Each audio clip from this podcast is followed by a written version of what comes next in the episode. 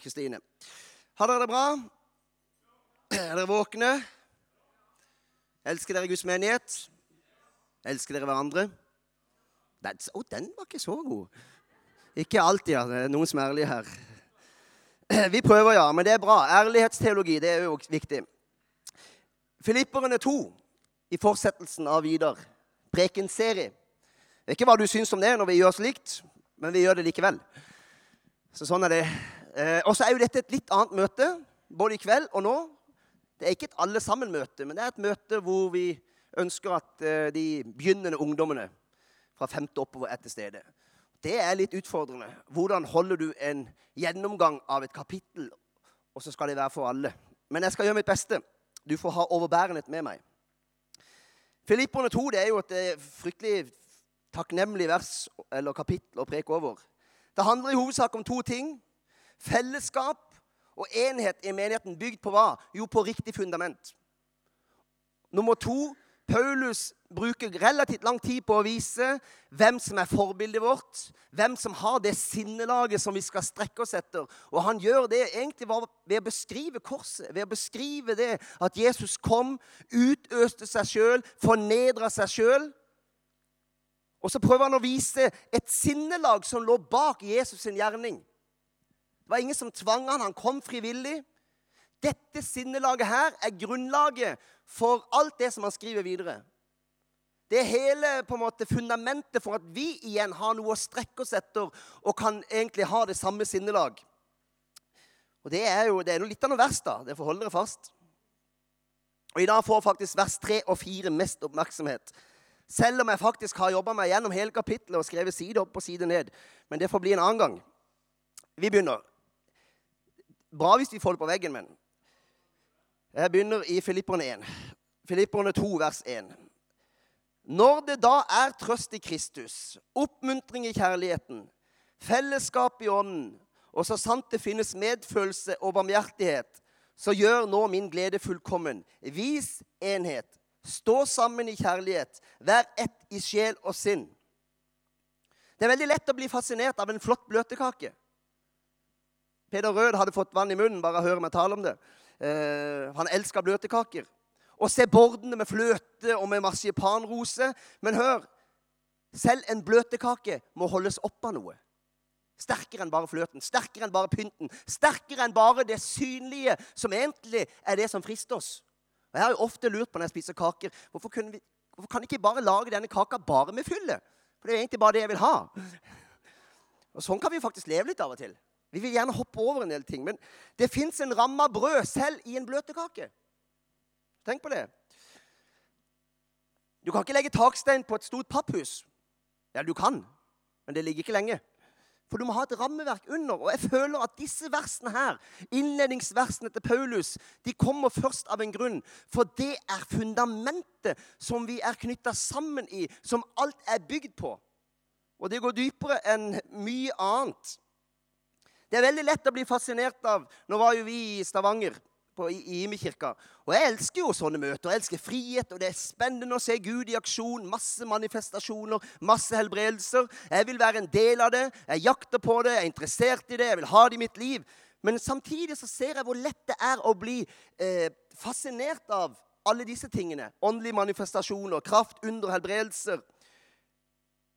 Også på en måte hoppe bukk over mye av det andre som er et fundament for at også disse tingene skal kunne fungere.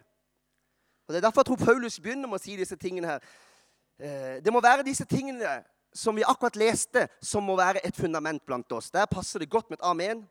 Det er voksenopplæring. Du skal få hjelp til å si amen på riktig plass. Jeg hadde med meg en, sånn, en kamerat som eh, ikke var så veldig frelst på et møte. Alle, Det var veldig karismatisk, og alle sa jo amen. Og Jeg husker den gangen det var, og predikanten tordna mot vet du, synd og elendighet. Og han ropte amen på fullstendig feil plass og måtte gå ut. Han ble så flau.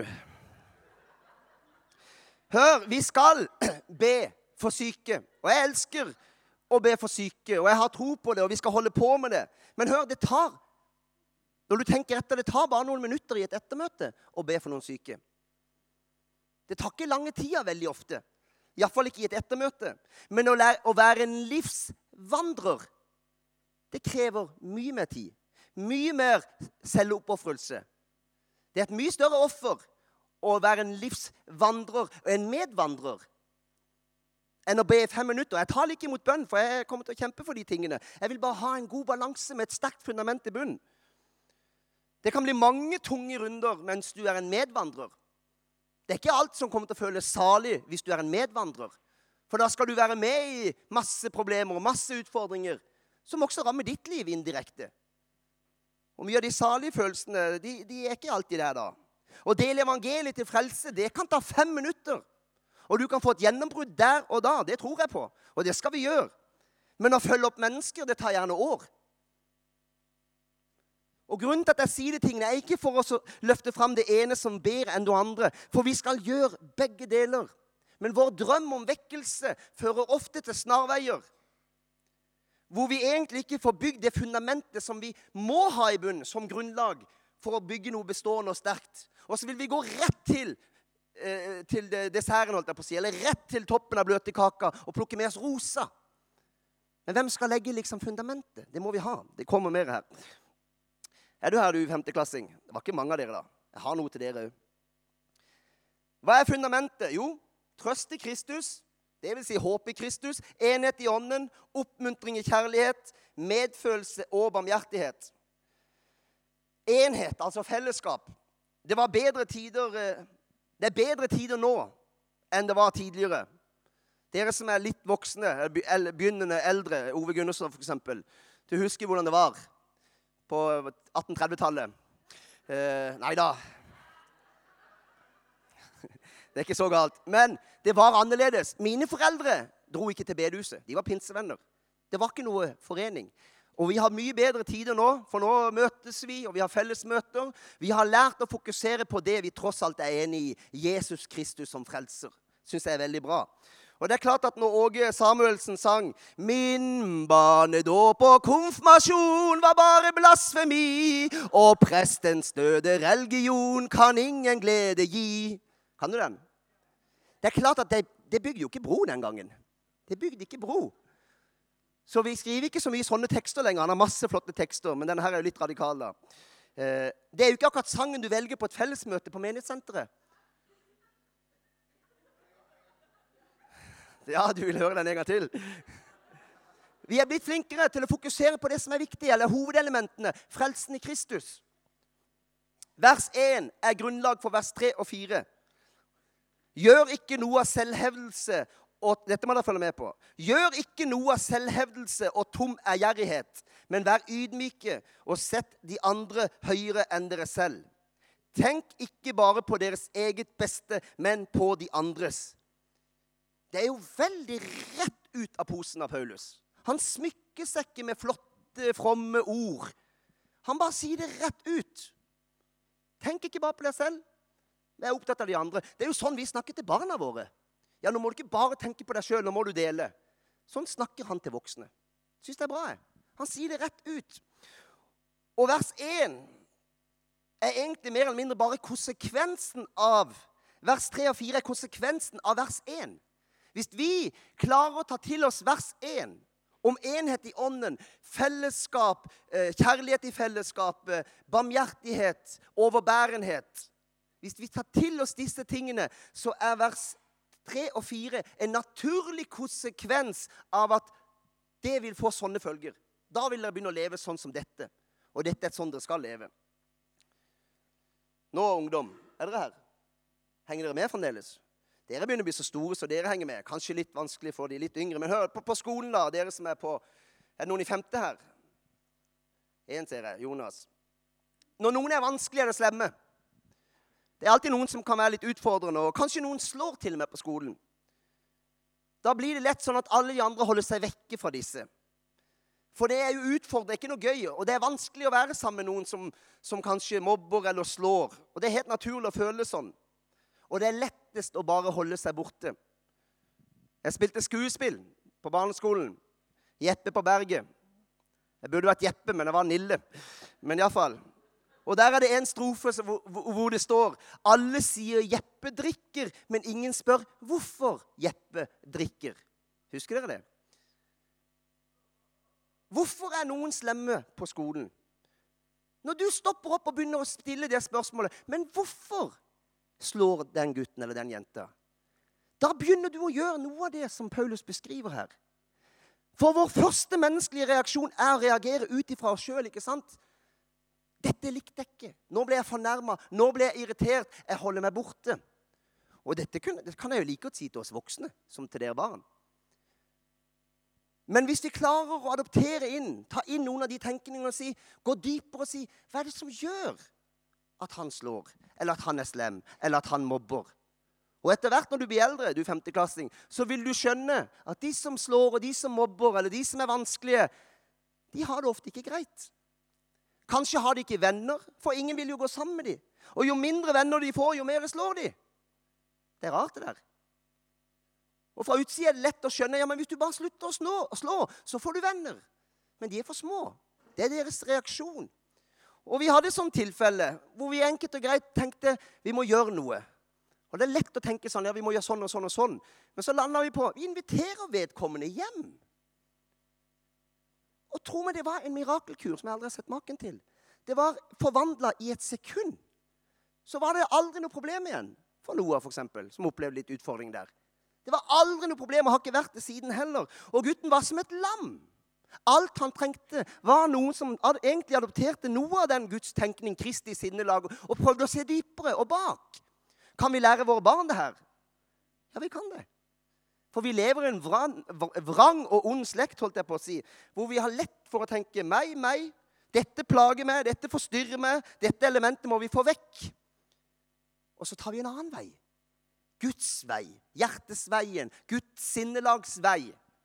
Så fins det av og til at skolen må gripe inn med litt tøffere tiltak, for all del. Men jeg ser at det fins en annen vei òg. Reklamen sier det. Fordi jeg er Hårreklame. Dere er så fromme, dere ser ikke TV. det er godt. Fordi jeg er verdt det. Husker dere den? Fordi du er verdt det, var det kanskje. Meg, meg og meg. Opp og frem. Selvpromotering, stjernedrømmer. Jeg er ikke så misunnelig egentlig på dere ungdom som vokser opp i den tida dere vokser opp i, hvor det er et så enormt selvpromoteringsfokus. Hvis du er litt på nett, så er det ikke mange minuttene du er der før du ser det. Og det er selv på bekostning av andre. Jeg har lyst til å lære mine barn å gå en annen vei. Skal jeg fortelle dere som er litt unge, Jeg fikk mye av det her inn fra min mor. Vi bodde i Oslo. Flytta fra Kristiansand til Oslo, var der noen år. Far min jobba på sykehuset. Så flytta vi til Farsund barneskole. Nummer én, Det var ikke lett å komme fra storbyen. Men det var en jente der som antagelig ikke burde vært der. Og hadde nok en, en lettere eller en, en eller annen skade i hodet. Og jeg vet ikke hvordan det sto til hjemme der, for hun var skitten, og hun lukta ikke godt. Og hun var veldig forkommen. Men hun var der og skulle være der sammen med oss. Og de var forferdelig stygge med henne de, når hun gikk forbi i gangen, så gikk de stilte guttene seg sånn, og ingen ville ha med henne å gjøre.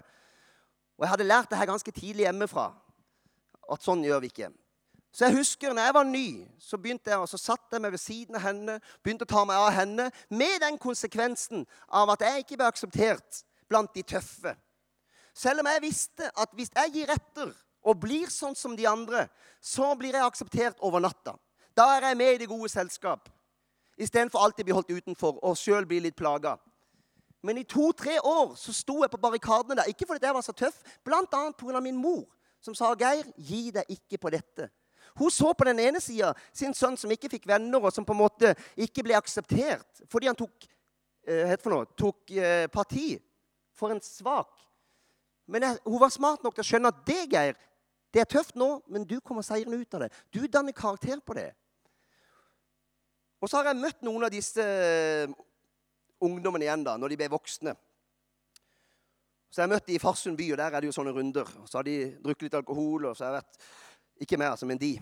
Og så har jeg møtt de på byen der eh, mens de kjører runder eller går rundt.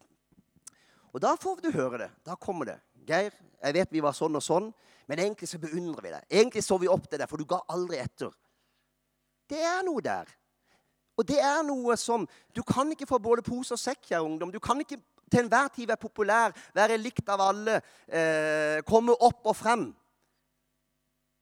Gud vil gjerne løfte deg opp og frem, men det må skje på riktig grunnlag. Det må ikke være ut fra eget egenverdi. sto for. Det er jo så sterke vers, det her. Egen Det er et veldig direkte ord. Hvor var denne? Der. Selvhevdelse. Kjenner dere det ordet? Selvhevdelse. Løfte fram seg sjøl, altså. Tom ærgjerrighet. Det var litt sånn fremmede ord, men det betyr at du blir litt sånn selvopptatt. Til dere voksne i forhold til det å sette andre høyere enn oss sjøl. Her er det mange fine balanser. Det bibelverset her, det er klart, Hvis du har arrangert et kurs med dette som titler Hvordan Hvordan legge ned sitt eget liv. Hvordan være ydmyk. Hvordan sette andre høyere enn seg selv. Hvordan eh, sette seg nederst med bordene, som, Paul, som Jesus sier. Eh, hvordan eh, bli den laveste. Eh, hvordan eh, minke mens andre vokser. For det sier Johannes. Han skal vokse, og jeg skal avta. Hvis du satte disse tingene opp som et kurs Det var ikke mange som kom på det kurset. Iallfall ikke fra verden. Og kanskje ikke mange kristne heller. Fordi det er jo noe med disse versene. I det menneskelige så virker de jo nesten totalt selvutslettende. De gjør faktisk det. Ja, skal jeg, skal jeg stoppe og opphøre å være til, nærmest? Skal jeg være selvutslettende? Nei. Det er ikke det det er snakk om.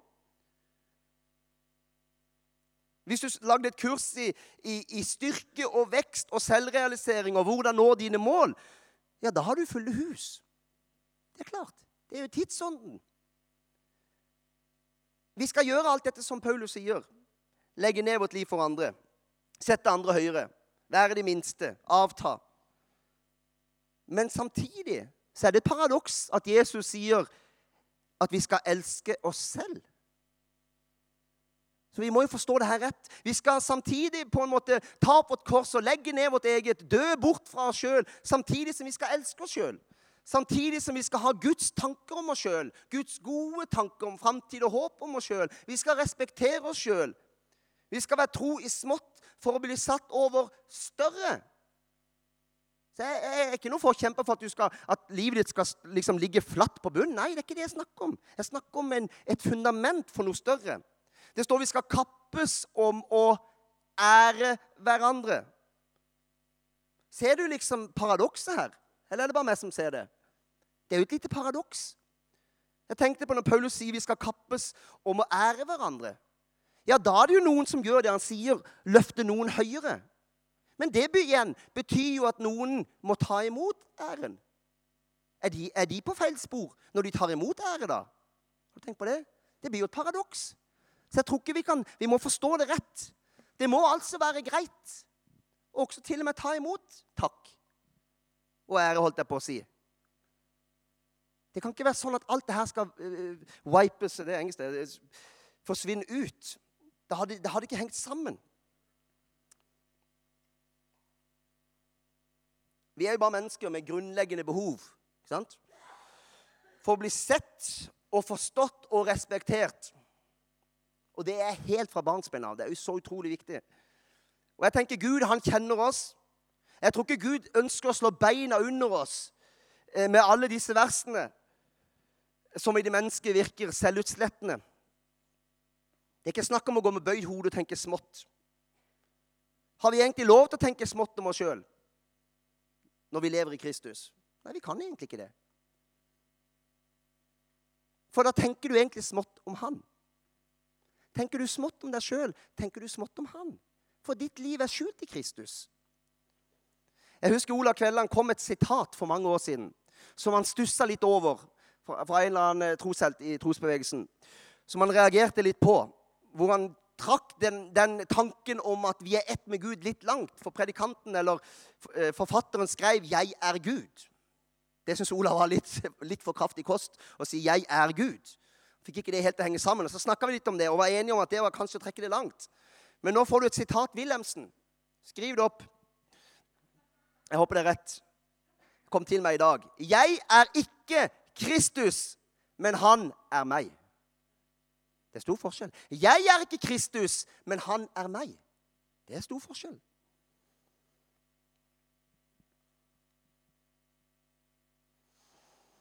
Ja Personlig innsikt og overskrift. Lever jeg for meg sjøl? Lever du for deg sjøl? Bruker du tid å tenke over det? Hvem lever jeg mest for nå? Nei, jeg lever for Gud. Ja, det vet jeg du gjør. Men lever du for mennesker? Nei, men jeg er ikke menneske. Jeg lyder Gud først. Lyder ikke mennesker, lyder Gud. Ja, Det er ikke det jeg spør om du lyder Gud eller lyder mennesker. Men lever du også for mennesker? Hvis du fikk et barometer i hånda nå, sånn det er til å måle feber, hvor ville det slå ut? Hvis det var ekte og ærlig og sant.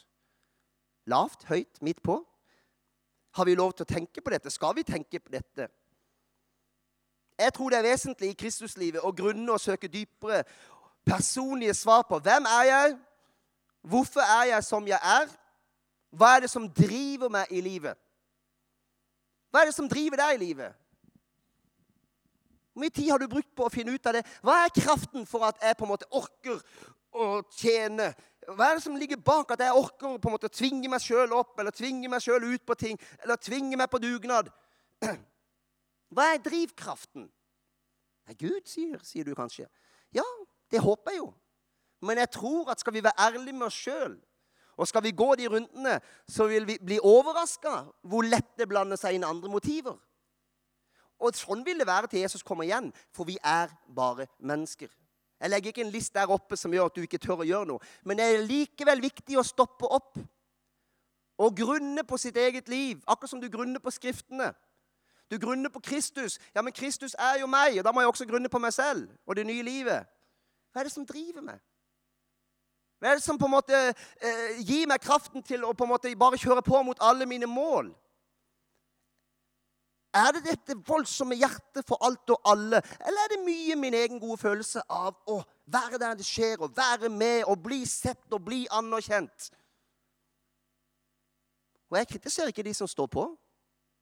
Jeg har alltid stått på sjøl. Men jeg har gått mange runder òg med meg sjøl. Og Av og til må du inn i kriser for å egentlig klare å røske borti noe som helst. For det er veldig lett å smykke seg med at 'jeg har min identitet i Kristus'. Og så preker du om identitet i Kristus. Og mange predikanter har prekt om identitet i Kristus. Og så skjer det vanskelige ting i livet, og så er de sykemeldt og ligger flate i årevis. Og da kommer det for en dag at kanskje ble det mye ord, også dette. Mye kunnskap her oppe men ikke her inne. Henger du med? Lider du av snill pikesyndrom? Jeg leste en undersøkelse hvor utrolig høyt antall av dagens unge jenter Det var veldig høyt, altså. Sliter psykisk veldig mye pga. disse ting som er tilknytta snill pikesyndrom. Dere som jobber på skole og helsetjenesten, kjenner til det. Det er større enn du aner. Ungdom sliter seg ut, får psykiske problemer, møter veggen tidlig pga. snill pikesyndrom, flink pikesyndrom. Prestere, prestere, prestere. Bli sett. Det er klart det er noe sykt med samfunnet vårt. Vi har jo mista evnen til å se hverandre på et eller annet merkelig vis som gjør at vi kjører på sånn som vi gjør, og at ungdommen kjører seg i senk. Da må vi finne andre måter å se dem på. Kanskje har vi ikke gått dypt nok. Tror dere, ungdom? Har vi gått dypt nok? Har vi blitt de åndelige mødre og fedre vi skulle være for ungdommen?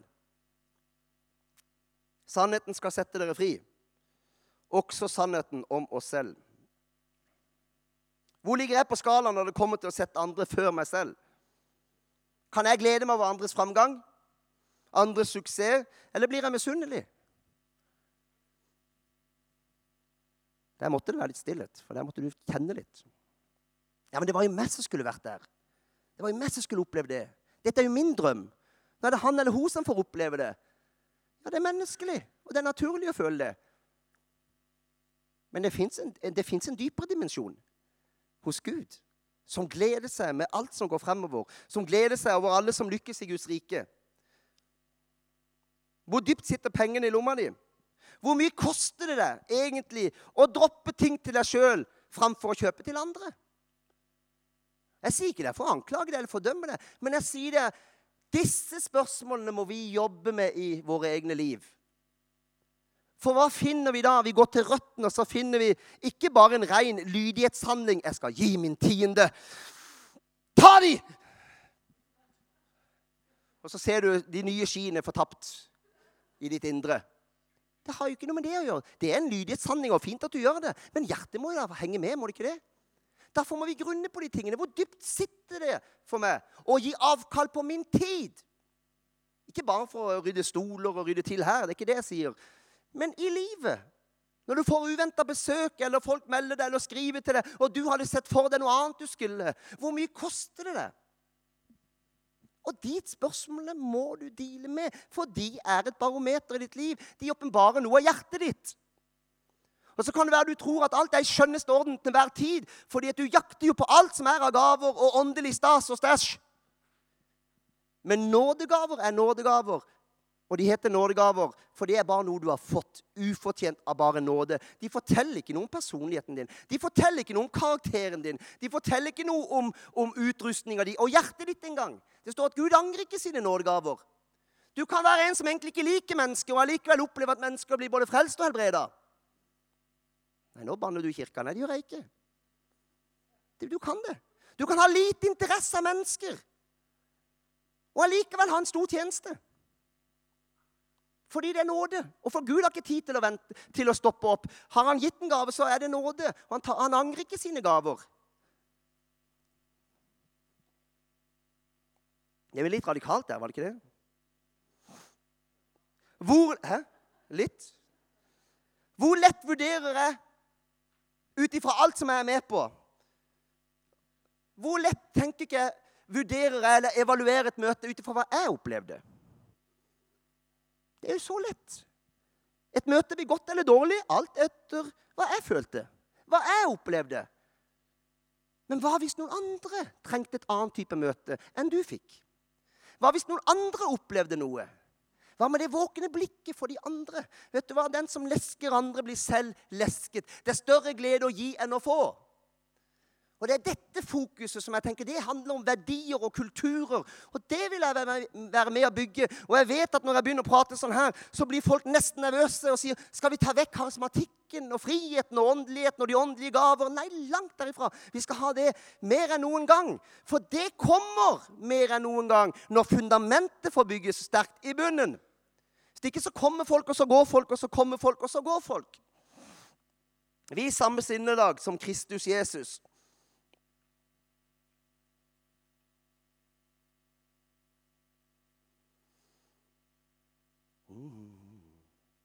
Låner jeg vekk tingene mine? Jeg har møtt noen kristne som sier nei, jeg låner ikke vekk tingene mine.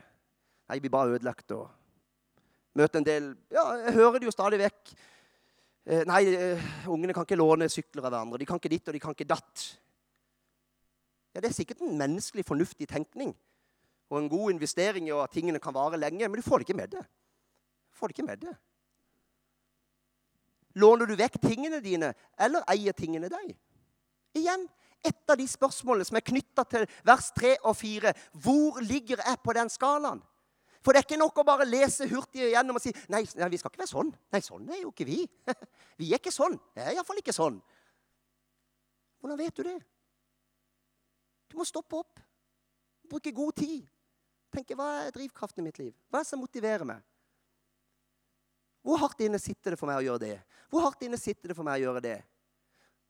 Sannheten skal sette dere fri. Når du begynner å avsløre dårlige ting om deg sjøl Det var litt av prekensk. Er det det vi er kommet for? Å avkles nakne her? Ja.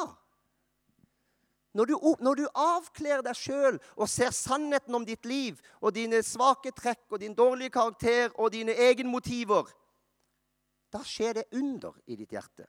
Da kommer Gud til på en helt ny måte som bygger deg 10 000 ganger sterkere, mer robust, dypere, med dypere innsikt både i livet og i andre mennesker. Med dypere kjennskap til deg sjøl. Du kan begynne å operere på et mye sterkere plan. Også i det åndelige. Og så blir det ikke så skummelt heller når du blir vant til det å avkle deg sjøl litt. Det blir ikke så skummelt. Det er greit, sier du. Oi sann, nå var jeg visst litt i kjødet mitt, Herre. Beklager det. Det er ikke verre enn det. Det er ikke verre enn det. Gud er da en god far. Sitter ikke og slår oss på fingrene. Amen. Og så har jeg egentlig resten av, vers, eh, resten av kapittelet, men det er mye mer teologi. Som jeg har prekt mye over egentlig bare i jula. Om inkarnasjonen og hans komme og hans offer. Men jeg tror det er kanskje dette som jeg skulle få sagt i dag. Og det er ikke sikkert du ble så veldig oppbygd. Gjorde du? Gjorde du det, altså? Huffete. Da må jeg kjøre hardere på. Da kan jeg ikke gi meg ennå. Jeg kjøre mye hardere på, for da har du ikke skjønt det. Nei da. Nei, men vet du hva? Vi skal, tå, vi skal, ha mye salige møter, og vi skal ha mye sterke opplevelser med Gud. Men jeg holdt på å si, dette med Gud er også veldig alvorlig, og det går veldig dypt. Og der må vi komme for å bygge noe sterkt. Vi må tørre av og til stoppe opp og si ok, kanskje var det ikke bare jubel i dag. Kanskje var det noen tårer òg. Kanskje var det sønderknuste hjerter i dette møtet. Kanskje var det sorg over, egen, over egne valg i livet og egne motiver. Vet du hva det kalles? Det kalles omvendelse. Og det kalles vekkelse. Det spinner vekkelse ut ifra det. Vi kan ikke bygge vekkelse bare på høy musikk eller bare på, på flotte, sterke fraser. Vi må bygge vekkelse på noe som faktisk treffer det dypt, og som endrer det dypt. Ikke i et nu, men som gir deg en mulighet til å begynne på en vei hvor du er ærlig med livet ditt. Er dere enige, dere som er litt eldre enn 14? Eh, Henger dere med? Ja, så bra, da. Amen. Jeg skal stoppe der, altså. Fordi at eh, Personlige ting blir ofte litt overveldende, og så må du sitte og deale og tenke. Og Hvis du da kjører på med masse, så slår du bare i hjel det du har sagt. Så Hvis du får noe teologisk snadder å tenke på nå, så blir det en snarvei ut. Og jeg vil heller tenke på det. For det er mer teori enn å deale med de tingene her. Derfor må vi stoppe. Men vi kan be. Takk, Herre, for at du elsker oss først og fremst, Herre. Du ga ditt liv for oss, Herre. Og Herre, vi kan ikke skjule noen ting for deg, Herre. Og vi ønsker, far, å, å være sånne, Herre. Å bygge en menighet, far, som virkelig er basert på de første tingene vi leste, far. Med, med hjertet, Herre Far, som på en måte eh, er avslørt i ditt lys, Herre, på en god måte, sånn at vi, vi, vi dealer med vårt liv, Herre, og vet det at vi, vi, sliter oss ikke ut, Herre Far, for å vinne egen gevinst, Herre. Herre, vi, slipper det til, Herre Far, til å jobbe med våre liv på dypet, Jesus. Hjelp oss, Herre, å balansere sånn at vi både kan virke de sterke tingene, Herre, og samtidig eh, jobbe i de dypeste av de dypeste tingene, far. Amen. Skal vi reise oss opp og tilbe Herren litt? Du har ingen grunn til å gå i kjelleren, men du skal bare tilbe Han. Og så skal du åpne ditt hjerte og si, 'Herre, jeg må ha noen runder med deg nå.' Nå må jeg ha noen runder med deg, Herre. Nå må du få åpenbart ting i mitt hjerte. Hvor ligger jeg henne? Hvor er min nød for de ufrelste? Hvor er hjertet og sinnelaget mitt i forhold til ditt? Ikke fordi han ønsker å fordømme det. Langt derifra. Han vil ta deg med videre. Det her handler ikke om fordømmelse i det hele tatt. Det handler bare om selvransakelse. Sånn at han kan få komme til enda sterkere. Det er dumt å kjøre rundt med, med, med bremsene på bilen. Spesielt når ikke du vet at du har bremsene på. Du bare syns det går litt trått. Det er klart, Hvis jeg kommer da og vil hjelpe deg å løsne opp den bremsa, så er ikke det for å være slem. Eller for å fortelle deg at så dum du har vært og kjørt med bremsene på. Går det an å være så dum? Nei, jeg gjør det i kjærlighet. Nå må vi ta vekk den bremsen der, så du får kjørt. Og så kan du komme ut i en ny frihet. Wow! Der skjøt jeg fart. Der ble jeg fri i mitt indre på en ny måte. Som gikk mye dypere enn jeg opplevde før. Der løste ting seg. Det er jo, det er jo en kjærlighetshandling, det.